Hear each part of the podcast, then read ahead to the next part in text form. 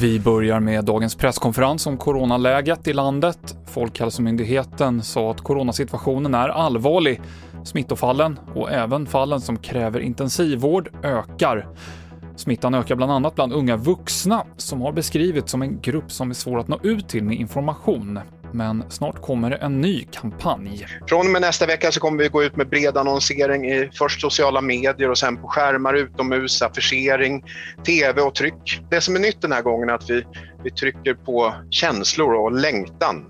Vi gör det konkret genom att påminna unga vuxna, oss alla, vad det är faktiskt vi riskerar att gå miste om, vad vi har att vinna om vi tar vårt ansvar. Det som Morgan Olofsson på MSB. Och krogar i Malmö kommer att få leverera alkohol tillsammans med mat hem till sina kunder. Det har kommunen beslutat idag.